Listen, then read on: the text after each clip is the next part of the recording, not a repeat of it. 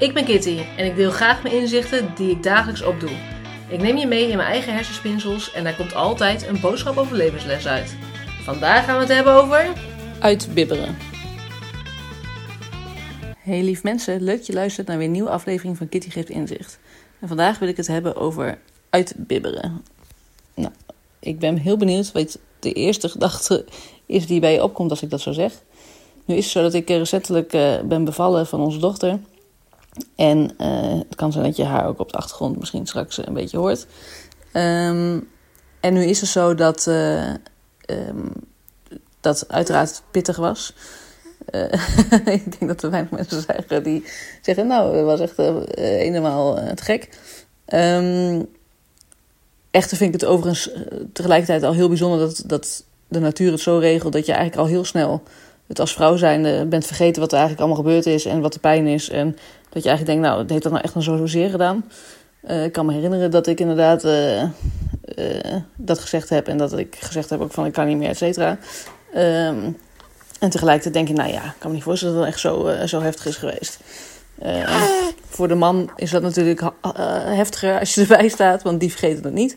Maar blijkbaar heeft de vrouw een soort van hormoon of die, die of dat misschien dat het zo traumatisch is dat je gedachten en je mind het allemaal blokt. Um, en Finn. Bevallen, dan uh, heb je de eerste dagen zit je nog een stuk in adrenaline. Tenminste, ik zat wel in adrenaline. En um, ik ging maar door, door, door. En ik trok de nachten door. Want ik dacht, joh, het gaat allemaal goed en prima. En ik doe dat. En leuk. En ik was aan het genieten. En nou, noem maar op. Dus ik had, denk ik, in de eerste drie dagen in totaal nou, vier tot acht uur denk ik geslapen. Uh, dus dat was uh, pittig. Vervolgens um, uh, kwam ik eigenlijk op een gegeven moment wat tot rust. Ik viel in slaap en midden in de nacht, na een uurtje diep in slaap te zijn gevallen, begin, begin ik het heel koud te krijgen. En echt alsof je een beetje koortsig bent. En dat je denkt, oh, echt mijn hele lijf helemaal koud. Nou, dus ik uh, rol mezelf nog dieper de deken in. En ik denk, nou, lekker, uh, lekker warm. En vervolgens begint, uh, nou, volgens mij begon het bij, me, bij mijn voeten, begint mijn lichaam te trillen. En nou, binnen no time, mijn hele lichaam, van, van top tot teen. Ik was helemaal aan het trillen, trillen, trillen, trillen, trillen. Alsof ik een soort aanval kreeg. Nou ja, het was een aanval eigenlijk.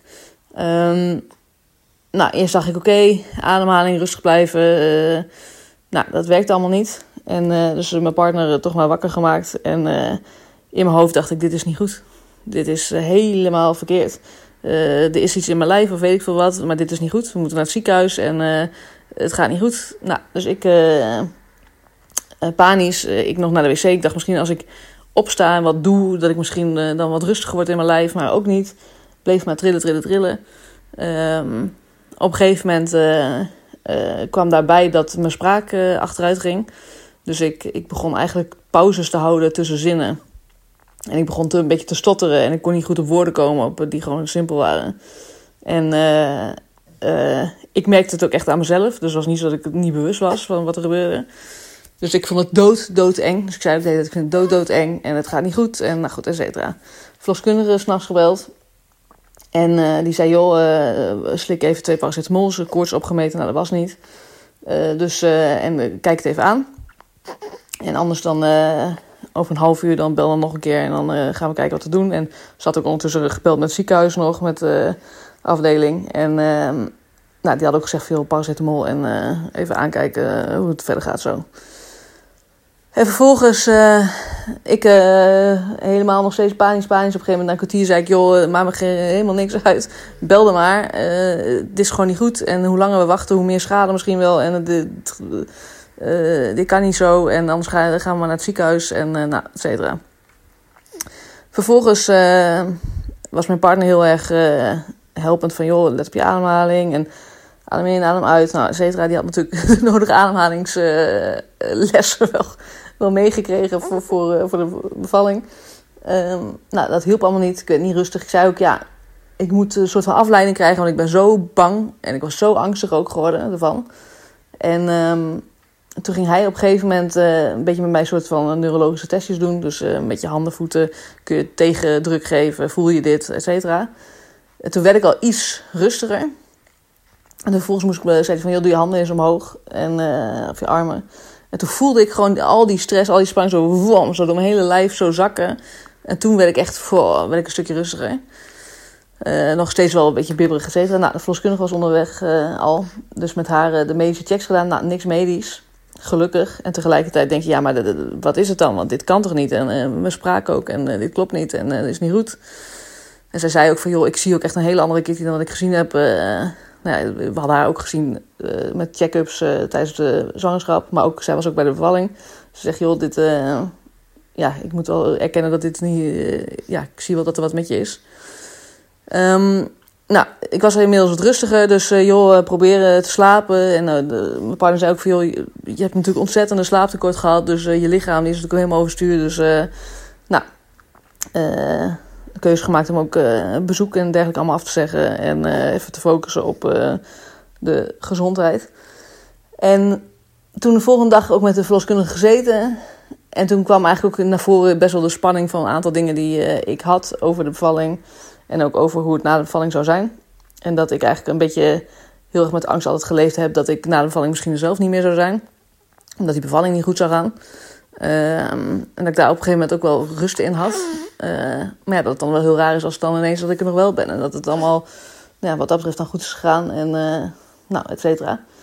Ehm, en dat emotioneerde me ook. Ik dacht, ja, ik heb er helemaal niet over, bij stilgestaan of over nagedacht verder. Of, uh, maar ook gewoon überhaupt de spanningen op alles en wat er allemaal gebeurd is natuurlijk. En um, nou, toen heb ik uh, um, Daisy uh, um, benaderd en Michel van Happy Island. Daisy is een ademhalingsdeskundige, noem ik maar even. Michel trouwens ook, maar op andere technieken. onder andere trouwens, ze doen nog veel meer dan dat. En nou, deze, uh, godzijdank, of een toeval of geluk, of dat zo heeft moeten zijn. Deze was in de buurt en ik kon gelijk uh, langskomen. Die heeft de uh, planning omgegooid om hier naartoe te komen gelijk. Nou, echt super, super fijn. Want op dat moment, je merkt gewoon... Ik was te angstig om te gaan slapen, omdat ik bang was dat ik weer zo'n aanval kreeg. Nou, dat is ook niet bevorderlijk. ik werd er alleen maar paniekeriger van. En ik was echt helemaal een beetje de weg kwijt. wat slaaptekort overigens ook met je doet. Um, en toen... Um, heb ik met haar gezeten en zij zei, dat vind ik wel heel mooi, en dat eh, deel ik met liefde, van, maar jij bent bang voor iets wat eigenlijk zo mooi is. Want jouw lichaam, die gooit gewoon alle stress eruit, alle blokkades, alles, eh, die, die heeft gewoon uh, dagenlang dat niet kunnen doen. je hebt je rust niet gepakt, et cetera, heb je ook niet kunnen doen. Je hebt een behoorlijke bevalling gehad, et cetera.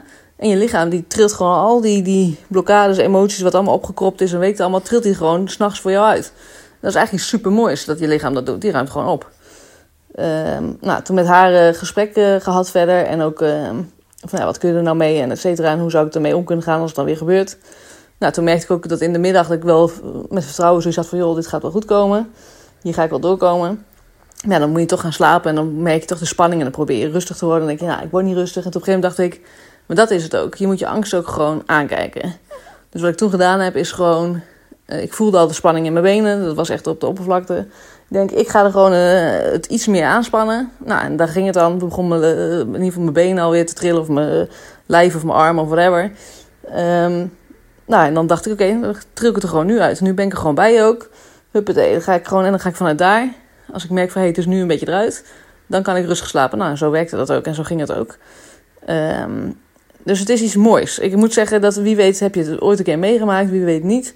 Uh, misschien maak je het ooit nog mee. Uh, en het is ook zo dat ik daar nogmaals, ik heb er laatst ook al een podcast over gemaakt, maar verbonden ademhaling, hoe mooi dat is, hoe bijzonder het is dat we inderdaad in ons lichaam bepaalde dingen opslaan.